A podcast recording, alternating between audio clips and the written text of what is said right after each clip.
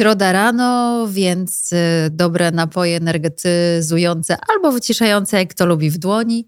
I y, zaczynamy naszą przygodę. Dzisiaj zabieramy Was w miasto jak zwykle, ale w towarzystwie sztuki, sztuki miejskiej, sztuki, którą widzicie bardzo często, a może też bardzo często nie zwracacie na nią wystarczająco dużo uwagi, bo trochę jest jak oddech. Po prostu jest, a może dzisiaj po tej rozmowie spojrzycie na nią innym okiem. A będzie z nami Anna Kowalik, która jest y, badaczem w pracowni Nowum, która zajmuje się ochroną i konserwacją sztuki nowoczesnej i współczesnej na Wydziale Konserwacji i Restauracji Dzieł Sztuki w Akademii Sztuk Pięknych y, w Warszawie. No i poza tym miłośniczka sztuki, fantastyczna osoba. Zapraszamy.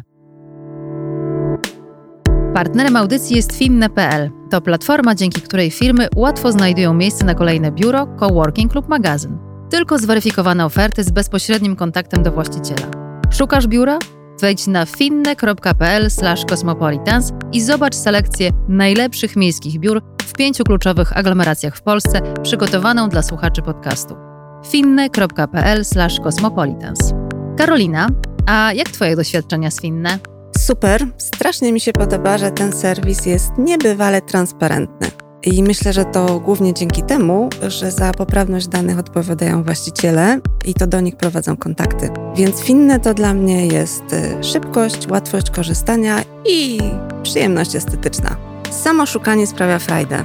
To jak zakupy w dobrym sklepie z ciekawym towarem na półkach i serdeczną obsługą. Polecamy finne.pl/cosmopolitans.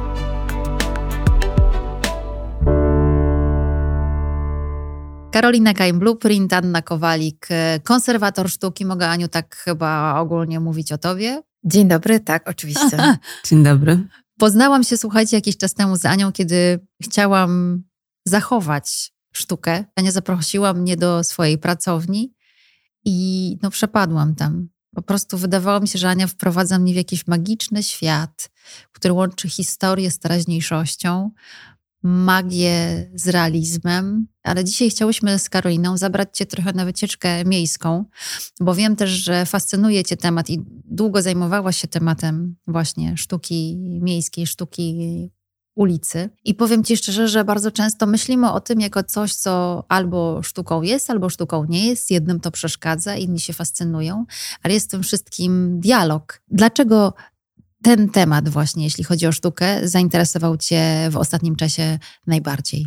Przede wszystkim, e, ponieważ ta sztuka zapoczątkowała e, się przez e, duży projekt europejski, gdzie nasza uczelnia stała się jednym z głównych partnerów, związany właśnie z ochroną sztuki w przestrzeni publicznej.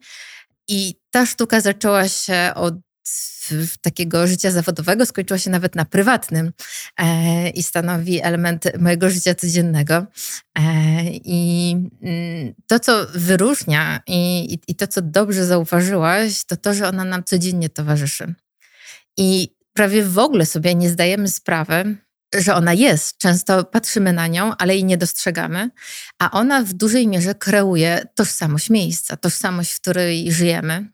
I przede wszystkim ja bym tu skupiła się na e, sztuce w przestrzeni publicznej, czyli street art, graffiti, ale pamiętajmy, że w tym przypadku nie chodzi nam o graffiti tagowanie ścian, bo to już nie jest element sztuki, to jest stricte już element społeczny, a nie artystyczno-społeczny, ale graffiti artystyczne to jest zupełnie inna grupa, o której też e, powinniśmy mówić, a często zapominamy, bo traktujemy to jako akt wandalizmu.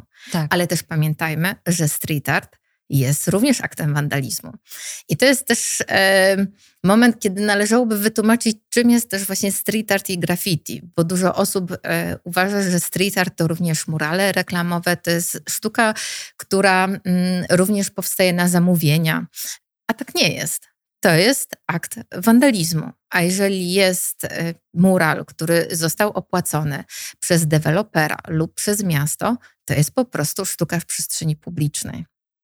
I to jest też ciekawe, ponieważ street art rządzi się i graffiti rządzi się innymi prawami, ponieważ nie są one ograniczone jakimiś założenia głównymi punktami, tematami, które y, daje mm, artyście e, zamawiający, tylko jest ta wolność twórcza i artysta w tym momencie może wszystko zrobić. Korzystać z tematów dla nas niewygodnych, ale też może pójść w stronę stricte e, estetyczną. Więc to jest też ciekawe i to powoduje, że ta tożsamość miejsca tworzy się wokół nas, stajemy się jako odbiorcy również elementem też, też tej tożsamości, w której żyjemy, o której też często zapominamy na co dzień. Mieszkamy na przykład w bloku i nie znamy swoich sąsiadów. A czasami właśnie ta sztuka w przestrzeni nas łączy, mimo że ze sobą często nie rozmawiamy, ale gdzieś te tematy, które są w naszej przestrzeni, się przewijają i to powoduje, że znajdujemy jakiś wspólny mianownik, e, który powoduje, że stajemy się częścią tożsamości miejsca. Jaka jest Twoja rola w relacji z tą sztuką? Czy Ty ją jakoś badasz, opisujesz, prezentujesz? Badam, opisuję, prezentuję i chronię. A co rozumiem pod wpływem, jeżeli chodzi o ochronę sztuki, która jest efemeryczna? Efemeryczna, czyli nietrwała. Przede wszystkim punktem wyjścia w moich badaniach jest zrozumienie tej sztuki, ale nie opierając się głównie na literaturze, tylko na artystach, którzy tworzą tą sztukę. Czyli bezpośrednio rozmawiam z nimi, próbuję zrozumieć ich intencje, czemu tak prezentują swoją twórczość, a nie inaczej, czemu wybrali przestrzeń otwartą, miejską, a nie na przykład wnętrze galerii. O co w tym wszystkim chodzi? I przede wszystkim, czy chcą, żeby ich sztuka była w jakiś sposób chroniona. No właśnie, bo to jest dla mnie nie, no chyba najbardziej fascynujące w tym wszystkim. Czy ją chronić, czy dać jej przemijać, bo to też jest pewna forma dialogu, kiedy ktoś inny może coś dopisać, przepisać, zamalować. coś zamalować, ale w ten sposób coś dopowiedzieć. Tak, i e, to jest właśnie cudowne w sztuce współczesnej, że jako konserwator mam bezpośredni kontakt z twórcą. I to jest clue i to jest najcudowniejszy element mojej pracy, że mogę bezpośrednio konsultować się z, z twórcą, z autorem dzieła. E, I na podstawie wielu wywiadów, ponad kilkudziesięciu, wykonanych ze street artowcami i writerami, e, okazuje się, że w ogóle nie chcą, żeby ta sztuka była chroniona. Co więcej, bardzo ich interesuje dialog z innym twórcą, kiedy inny twórca doda coś od siebie. Dzięki temu jest to dialog e, twórcy z twórcą.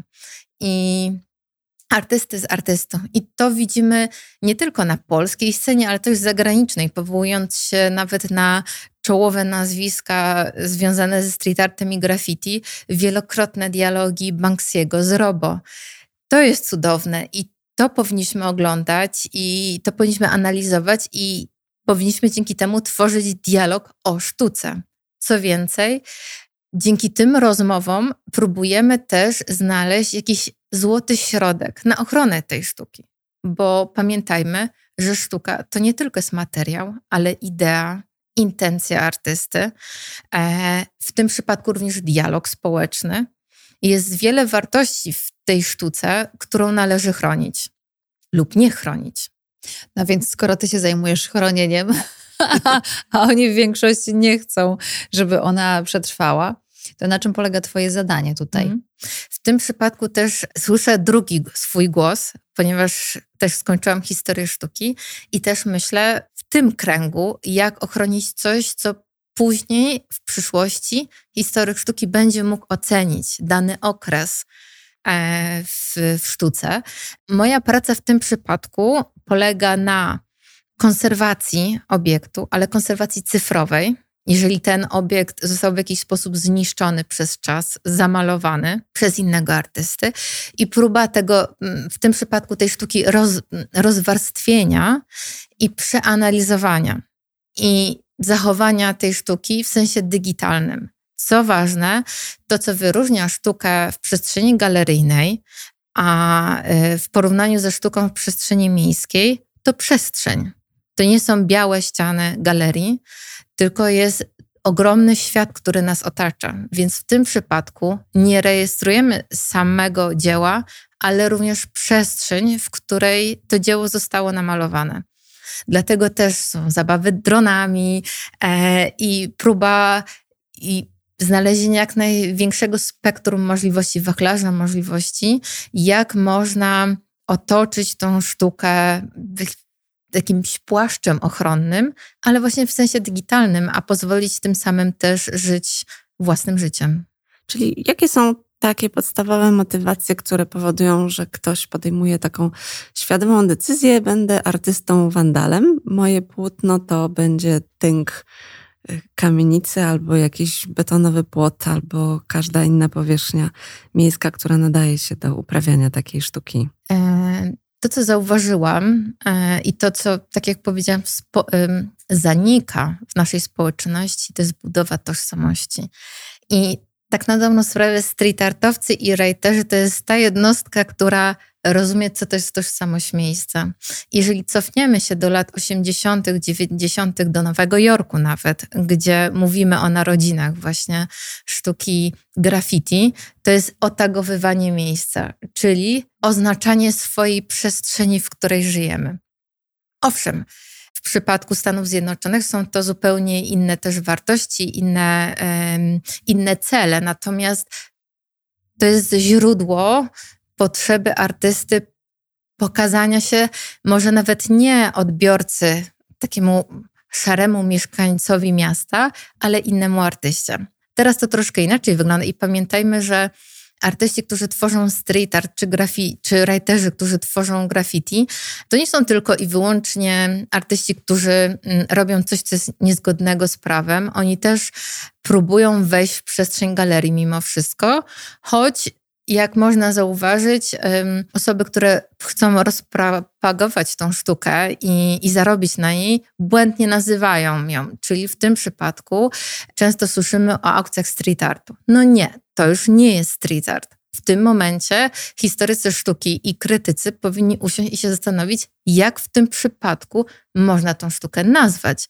Można powiedzieć sztuka w stylu street artu w stylu sztuki w przestrzeni miejskiej, ale to już nie jest sztuka, o której w tym momencie mówimy. Czyli jeżeli coś ma mieć walory kolekcjonerskie albo zarobkowe, to przestaje być street artem? Dokładnie.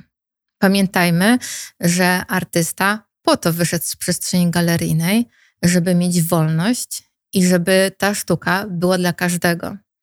I to samo mm, obserwujemy to właśnie w w przypadku street artowców, którzy stali się teraz bardzo znani, czyli na przykład Banksy, gdzie jego prace zostały, są wycinane ze ścian, co doskonale wiemy, mm, nie jest aprobatą twórcy w tym przypadku. E, ale żeby podać do sądu taką osobę, która wprowadza w obieg jego sztukę, musiałby e, w sądzie pokazać swoją tożsamość, a to już jest niezgodne z jego ideą twórczą. Dlatego i wracamy do takiego błędnego koła i to powoduje, że dajemy otwartą furtkę na nielegalne działania dla nielegalnej sztuki. No tak, no jest w tym dużo takiego, no innego trochę, no innej emocji, nie? Chociaż mm, jak no, wystawa prac, się nie mogą ją mogę powiedzieć, wystawa prac Banksiego krąży po świecie. No, to właściwie co to jest, co krąży? Dokładnie. I też jak wejdziemy na jego stronę, możemy w zakładce y, dotyczącej wystaw y, przeczytać, które wystawy są jego, a które nie. I zawsze zaznaczał, że jego wystawy są darmowe. Hmm. Że on nie pobiera pieniędzy za oglądanie jego sztuki. No ja zapłaciłam za oglądanie. A gdzie? W Warszawie. W Warszawie. Tak, chyba dwa lata temu. W Kone, tak. Mhm. Płaciłam za Banksiego, a był dostępny za darmo, tylko no, trzeba jednak go odnaleźć. Ale to w tym też jest, domyślam się, cała, cały ten aspekt tego wszystkiego, że ona się mhm. po prostu wydarza tam, gdzie człowiek jest, albo tam, gdzie go miasto zaprowadzi. Dokładnie. I chyba to jest największa mm. frajda dla osób, które chcą przeżywać w jakiś sposób sztukę, i to, co jest cudowne w tej sztuce w przestrzeni publicznej, że sztuka nas otacza, nawet kiedy jej nie chcemy. Nie wiem, czy zauważyłyście, coraz mniej ludzi chodzi do galerii. Jest brak takiego społecznego zapotrzebowania na sztukę to jest złe, oczywiście, e, bo sztuka wiele dobrego robi w społeczeństwie, w emocjach ludzi, tych pozytywnych, w tym pozytywnym kontekście. A tutaj artysta na siłę zmusza nas do przeżywania tej sztuki, czy chcemy, czy nie chcemy, bo jest, tak jak powiedziałam, e, mural, czy, czy dzieło street artowe, które e, jest po prostu estetycznie ładne, a są takie, które podejmują trudne tematy. To, co mi się podoba też w przypadku sztuki w przestrzeni publicznej, która jest efemeryczna, że to jest coś jak, jest to swego rodzaju rodzaj gazety, dziennika, który powoduje, że dzisiaj jest temat aktualny, a jutro nie. Dlatego on też znika z naszej przestrzeni miejskiej, pojawia się coś innego. I to jest właśnie ciekawe, że non-stop mamy swego rodzaju wernisaż na ulicy. Dzięki temu ta przestrzeń, która nas otacza, się ciągle zmienia. Jest taki mural kory w Warszawie przy drzewie i w zależności od tego, jaka jest pora roku, to kora ma różne włosy, bo drzewo kwitnie i wtedy jest różowa, albo jest zielona, albo jest y, tylko z suchymi patyczkami. To też pokazuje, że artyści nie wybierają pierwszej, lepszej ściany. Oni tak. często chodzą po mieście, analizują, które miejsce będzie dobre, dla, dla przyszłego dzieła i też analizują, z których punktów e, przyszłości dany odbiorca będzie oglądać tą sztukę. Często też e, street artowcy i rejterzy wybierają stare opuszczone budynki ze względu na różnorodność ściany. Jest ona brudna, często zardzewiała przez jakieś elementy, zardzewiałe konstrukcyjne e, i to powoduje, że jest to dodatkowy element wizualny. I też gratka dla ludzi, którzy interesują się street artem, E, by oglądać i zwiedzać skłoty. I to też pokazuje, to jest sygnał, że mimo wszystko ludzie chcą tej sztuki, szukają jej, interesują się i to jest dobry sygnał na przyszłość. Czyli trochę nieświadomie żyjemy w galerii sztuki otwartej 24 na dobę. Ale masz wrażenie, że to się zmienia przez ostatnie lata? Że kiedyś trochę podchodziliśmy tak po macoszemu do street artu, a teraz on już jest taki właśnie udomowiony, trochę właśnie przez to, że płacimy za Banksiego i tak dalej. Już trochę inaczej na niego mhm. patrzymy, mam wrażenie. Trochę bardziej szanowany mm. może? Szanowany, ale też przez to ja dostrzegam, że artysta ma coraz mniej do powiedzenia, mm. bo y, coraz mniej ci artyści, którzy zbudowali swoją rangę jeszcze naście lat temu, e, raczej już tworzą swoje prace poprzez e, zamówienia, poprzez konkretne tematy, które chcą widzieć zamawiający. I to powoduje, że już nie ma takiej wolności słowa, jak, jak było dawniej. E, nie ma już tej odwagi wśród artystów jak dawniej. To trochę mnie przeraża, bo wolałam tą sztukę, która była otwarta na wszystkie tematy społeczne, polityczne, ekonomiczne. Gdzieś już tych wartości jest coraz mniej, coraz więcej jest mimo wszystko tych wartości estetycznych, tylko i wyłącznie, czyli coś ma być ładne, ale nic za tym więcej nie idzie. I to jest trochę przykre. A powiedz, jak już y, przestaniesz spacerować po miejskiej galerii, wracasz do swojej pracowni, to czym zajmujesz się w tym wnętrzu? O, jest tam wszystko dosłownie. e, jak, jak, jak na początku zostało to wspomniane. Owszem, nie znajdziemy tam dzieł street artu i graffiti. Ani e, Banksiego? Ani Banksiego. E, znajdziemy tam inną sztukę, również ciekawą, którą możemy zobaczyć w przestrzeni galer galeryjnej, ale nie tylko. E, bo również pamiętajmy, że sztuka to nie tylko obrazy i rzeźby, to są też różnego rodzaju inne dzieła, które pierwotnie w ogóle byśmy nie podejrzewali, że będą dziełami sztuki, choćby na przykład rekwizyty filmowe, które obecnie coraz częściej pojawiają się na aukcjach i coraz częściej ludzie inwestują właśnie w tą sztukę. Czyli coś, co zostało zrobione tylko i wyłącznie na potrzeby filmu, okazuje się później dziełem sztuki choćby na przykład jajo z filmu Obcy, które też ostatnio zagościło u nas w pracowni. Czy ty zajmujesz się taką fizyczną konserwacją tych elementów, okazów, tak, tak, obrazów? Ale przede wszystkim jest to dialog z artystą. Te, ma, te obrazy, te dzieła sztuki są tak różnorodne i czasem wydaje nam się, że znamy intencje artysty. Natomiast po rozmowie okazuje się, że nasze myślenie o sztuce potrafi się zburzyć jak domek z kart i wywraca nasze myślenie o ochronie sztuki do góry nogami. I to powoduje, że sztuka współczesna jest tak intrygująca, tak ciekawa. I to też jest ciekawa zabawa, interesująca, intrygująca ze studentami, ponieważ u nas w pracowni studenci trafiają dopiero, kiedy są na piątym roku studiów. Nasze studia są sześcioletnie. I przez ostatnie cztery lata studenci studiują tylko i wyłącznie sztukę dawną. I teraz zburzenie myślenia, całkowite zburzenie myślenia o sztuce w oczach studenta no jest czasami bardzo trudne. Ograniczenie mm, myślenia do to, co artysta powie, jest dla nas najważniejsze, bo jesteśmy takimi adwokatami artystów. Naszym celem jest ochrona ich idei. E, I też często powoduje to kłótnie z, z kuratorami, którzy też często uważają siebie jako drugich artystów, którzy na nowo tworzą sztukę e, danego artysty. I naszym celem też jest ochrona, by ta sztuka była przekazana w jak najczystszej formie takiej, jaką sobie artysta życzył. Dlatego podczas wywiadów na temat ochrony sztuki rozmawiamy również o ekspozycji. Jak artysta by chciał, żeby jego praca była eksponowana? Czy może korespondować z pracami innego artysty?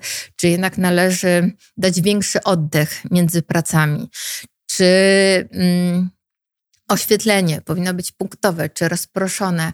Jest wiele takich trudnych pytań, gdzie okazuje się często, że artysta nawet nie ma świadomości. I dzięki temu to też jest taki właśnie dialog. My uczymy się rozumienia ich sztuki, ale też oni uczą się od nas, jak powinni chronić tą sztukę i dbać o swoją spuściznę. A co wtedy, kiedy artysty już dawno nie ma? Zgodnie z prawem, prawo artysta ma nawet 70 lat po swojej śmierci czyli osobami decyzyjnymi są jego spadkobiercy. I to jest ważne też, żeby artysta zadbał o to, by spadkobiercy nie przekłamali jego sztukę, bo oni mają prawo. E, on nie, już nie jest w stanie nic powiedzieć, oczywiście, i dlatego powinien notować i gdzieś spisywać swoje zalecenia. Idealnym przykładem była na przykład Magdalena Abakanowicz, która zachowała i bardzo dbała o to, żeby po jej śmierci było archiwum ze zdjęciami wszystkich jej prac, z opisami, jak należy prezentować dane prace, jakie powinny być układy danych figur, bo pamiętajmy, że e, artystka e, tworzyła mm, setki postaci. I tutaj dla niej każdy centymetr był istotny.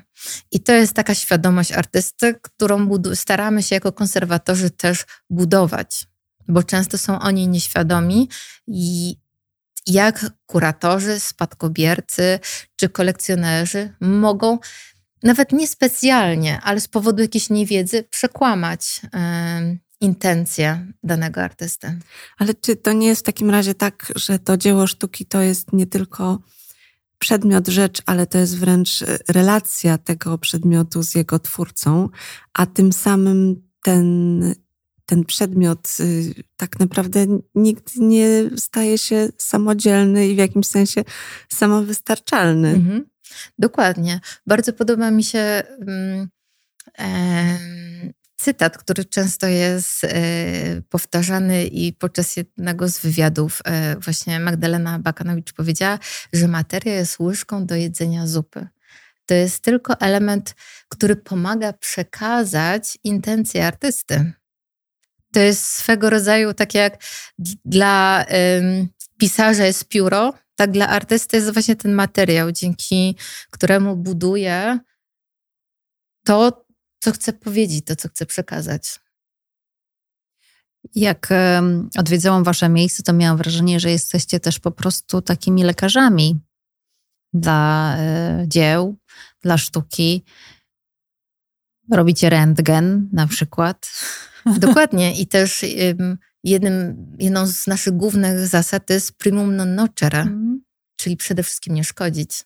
Więc tak, sztuka jest naszym pacjentem i staramy się zrobić wszystko, żeby uratować ją, nie w, tylko w sensie materialnym, ale też ideowym. Czyli według waszej definicji to wcale nie jest tak, że coś musi mieć 100 lat, y, żeby było sztuką. Ile wystarczy? Tydzień? Dzień? Tak, czasami jest. Mój najmłodszy obiekt miał tylko jeden dzień. I co to było? To była e, ścianka działowa, czyli dzieło, które znajdowało się na ściance działowej, ale całość to była właśnie ścianka działowa. E, I to dzieło powstało e, w ramach e, festiwalu Winter Holiday Camp w CSW. Był to taki okres bardzo burzliwy, gdzie mm, ówczesnym dyrektorem był Cavalucci, który mm, nie był w stanie porozumieć się z pracownikami.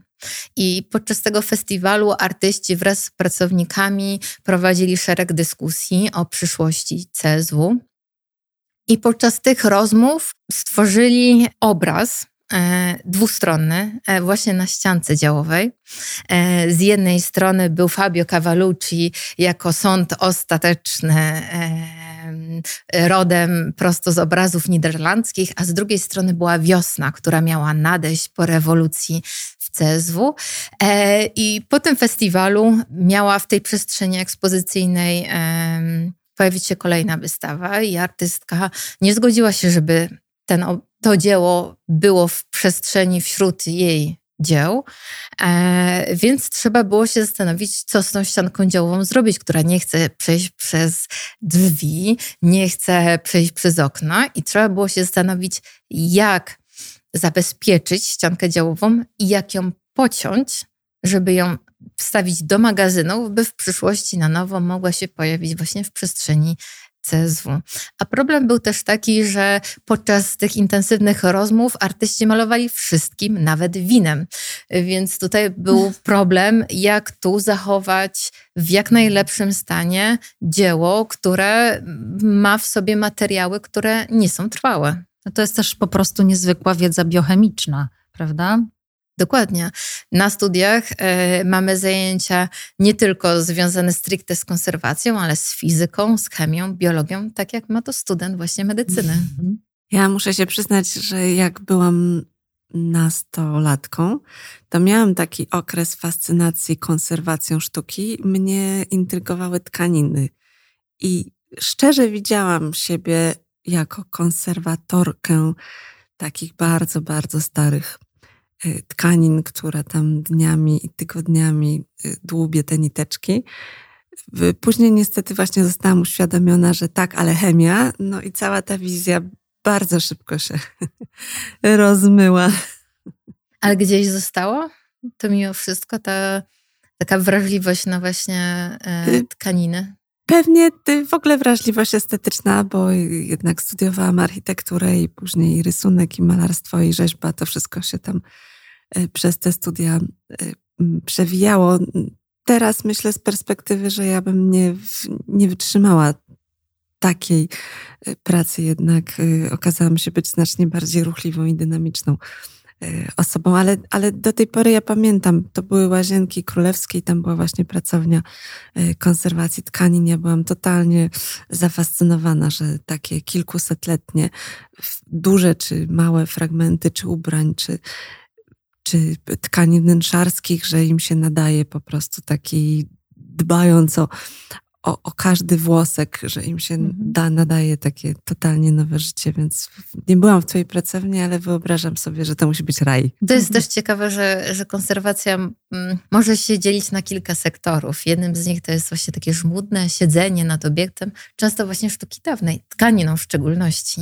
Jak obserwuję swoje koleżanki, które dzielnie walczą z tkaniną przy pomocy małej igiełki, e, grubości włosa, to naprawdę jestem pełna szacunku dla, dla tych osób. Moja sztuka to jest przede wszystkim skakanie wśród, e, wśród artystów, od artysty do artysty. Ci artyści są tak różni i tyle energii pozytywnej czerpię właśnie od artystów.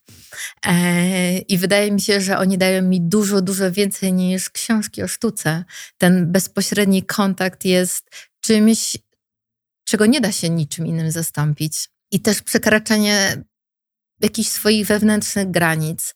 E, to jest cudowne, bo mówimy street art, graffiti. E, writerzy mają tą łatkę, jak działają nielegalnie, to muszą być zbirami, pobiją cię i tak dalej. A wcale, że nie, to są tak cudowni ludzie. I tak na dobrą sprawę e, ze wszystkich wywiadów, jakie zrobiłam wśród artystów, to z writerami najlepiej mi się rozmawiało. To są ludzie tak inteligentni, oczytani, e, którzy mają naprawdę bardzo dużo do, do powiedzenia. Skutkiem tego jest, że mój obecny partner, e, którego poznałam właśnie w ramach swojego doktoratu, e, jest właśnie writerem. I to jest cudowne, że. To, był, to jest dopiero dialog. Tak, że to jest dialog, bo mamy codziennie na dialog na ten temat i, i dyskutujemy i rozmawiamy.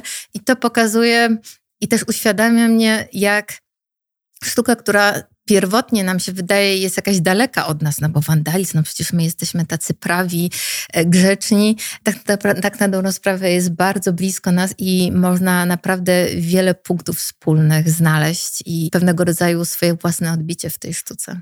Ale jak teraz to sobie wyobrażam, to też proces tworzenia tej sztuki wymaga dużej odwagi, bo tutaj nie masz intymności, prywatności swojej pracowni. Jak się pomylisz, to wyrzucisz, skreślisz, przemalujesz, poprawisz. Tylko tak naprawdę cały czas każdy może patrzeć ci na ręce. Dokładnie, może zamalować, co jest oznaką że coś się nam nie podoba. Należy zwrócić uwagę, że writerzy mają też swój własny kodeks. E, owszem, niektórzy przestrzegają, niektórzy nie, bo w tym kodeksie jest również e, niemalowanie po zabytkach.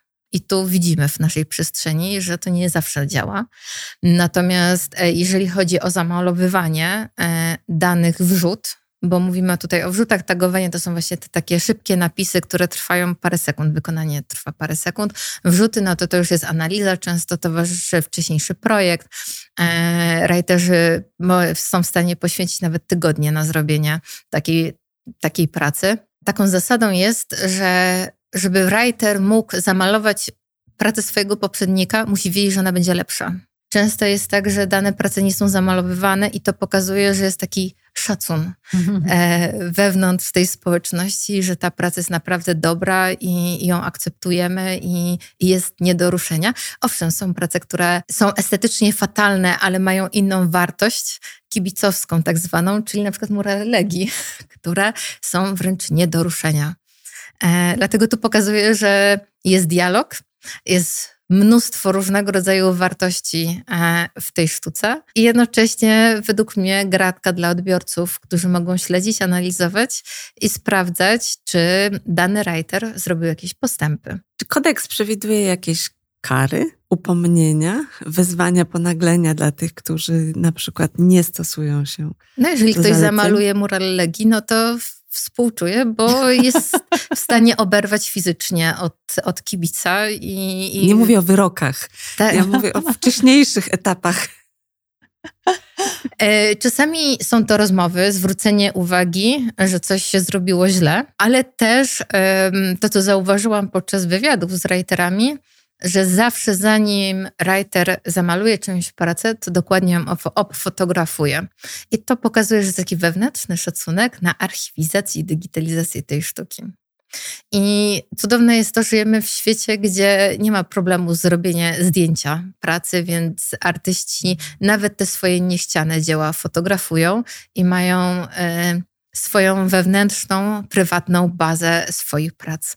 To też pokazuje, że z jednej strony jest to sztuka efemeryczna, ale też jest takie wewnętrzne pragnienie zachowania jej w, nawet w formie zdjęcia. Dzisiaj też e, większość e, writerów czy street artowców ma swoje konta na Instagramie czy in, na innych portalach społecznościowych.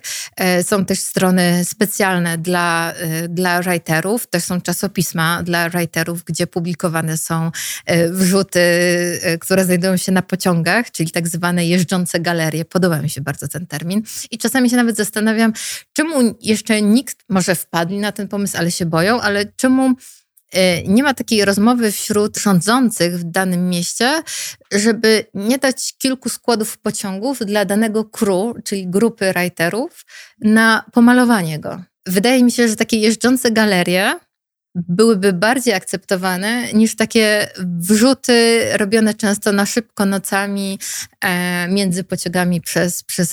Owszem, ten, e, ta część emocji, e, strachu, że ktoś nas złapie, jest pociągająca dla writerów i są takie osoby, które są w stanie e, zaryzykować własnym życiem, żeby otagować pociąg na przykład moskiewski, gdzie tam jest zgoda rządu, żeby strzelać do takich osób.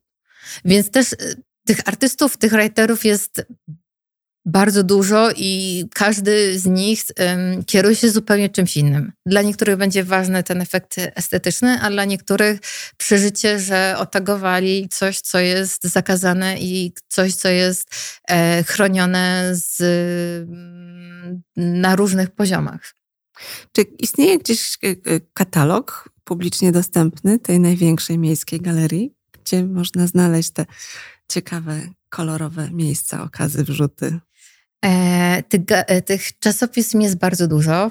W, e, I zazwyczaj są one międzynarodowe, ale też mamy polskie, które są na przykład do kupienia w Galerii Koloru na Marszałkowskiej. Zapraszam, jeżeli ktoś by chciał już tak bardziej wejść w, w, w sztukę graffiti. I tam po prostu są zdjęcia, które wysyłają artyści często i są, jest przeprowadzona selekcja i, są wybierane konkretne dzieła, które są warte, żeby pokazać je szerszej publiczności. Czy wiadomo, ile średnio żyje takie dzieło? Tak jak powiedziałam, to zależy też Lata, od tego, miesiące, czy, czy jest zaakceptowane przez resztę writerów. E, jeżeli przejedziemy się na Służew i obejrzymy mur torów wyścigów konnych, e, zobaczymy, że niektóre wrzuty są nadal które już mają kilkanaście lat i one są chronione e, przez, przez writerów, a są takie, które trwają tydzień i, i, są zamalowane przez kolejnych artystów. Pamiętajmy, że w Warszawie mamy około ośmiu e, miejsc, gdzie można bez jakiegoś problemu, że ktoś nas złapie, stworzyć y, swoje dzieło. I też warto szukać takich miejsc i, i przejść się nawet, tym bardziej kiedy jest za oknem ładna pogoda, zrobić sobie spacer po takiej galerii prac e, street artowych i różnych wrzut. E, I takim przykładem jest właśnie tor wyścigów konnych. Mhm. Pod mostem Siekierkowskim również znajduje się galeria e, sztuki publicznej i jest to długa bardzo galeria, więc zachęcam, można i rowerem, i pieszo przejść się i wśród zieleni pod mostem można obejrzeć sobie różnego rodzaju prace i niektóre są naprawdę bardzo wysokiej jakości artystycznej. Przydałby się taki przewodnik, prawda? Po, po o tym myślę. Warszawa ma stronę e, www.puszka.waw.pl, gdzie um, można przysyłać prace, e, które znajdujemy w swoim obszarze e, i tam właściciele tej strony wrzucają z oznaczeniem na mapie dokładnego miejsca, gdzie znajduje się dane dzieło. Super. Czyli można udać się na spacer tak. z mapą w ręku. Dokładnie. W telefonie. W dzisiejszych czasach jest to tym bardziej dużo łatwiejsze i, i zwiedzać tą sztukę w naszej przestrzeni. Powiedz, jak duża jest też społeczność twórców? Czy, czy to się jakoś liczy? Gigantyczna. I ona też się miesza dzisiaj. Dawniej było to oznaczenie własnego terenu. Dzisiaj widzę artystów, którzy mają swoje wrzuty w Warszawie, a widzę je w Gdańsku, w Poznaniu, we Wrocławiu, w Berlinie i, i w innych miastach w Europie i, i też na innych kontynentach są. Więc to jest takie międzynarodowe tworzenie sztuki w przestrzeni publicznej. Zachęcamy więc Was do takiego spaceru ulicami miast, bo przecież nie tylko Warszawy. Bardzo Ci dziękujemy. Anna Kowalik, lekarz sztuki miejskiej i nie tylko, konserwator zabytków i sztuki miejskiej. Wielkie dzięki. Bardzo ja się dziękuję. chyba dzisiaj wybiorę z moim synem na taki spacer. Polecam, naprawdę warto. Poza tym e, otwieramy dialog i tworzymy tożsamość miejsca. Róbmy to. Zaczynajmy od dzisiaj. Wielkie dzięki, Aniu. Dziękuję. Do usłyszenia.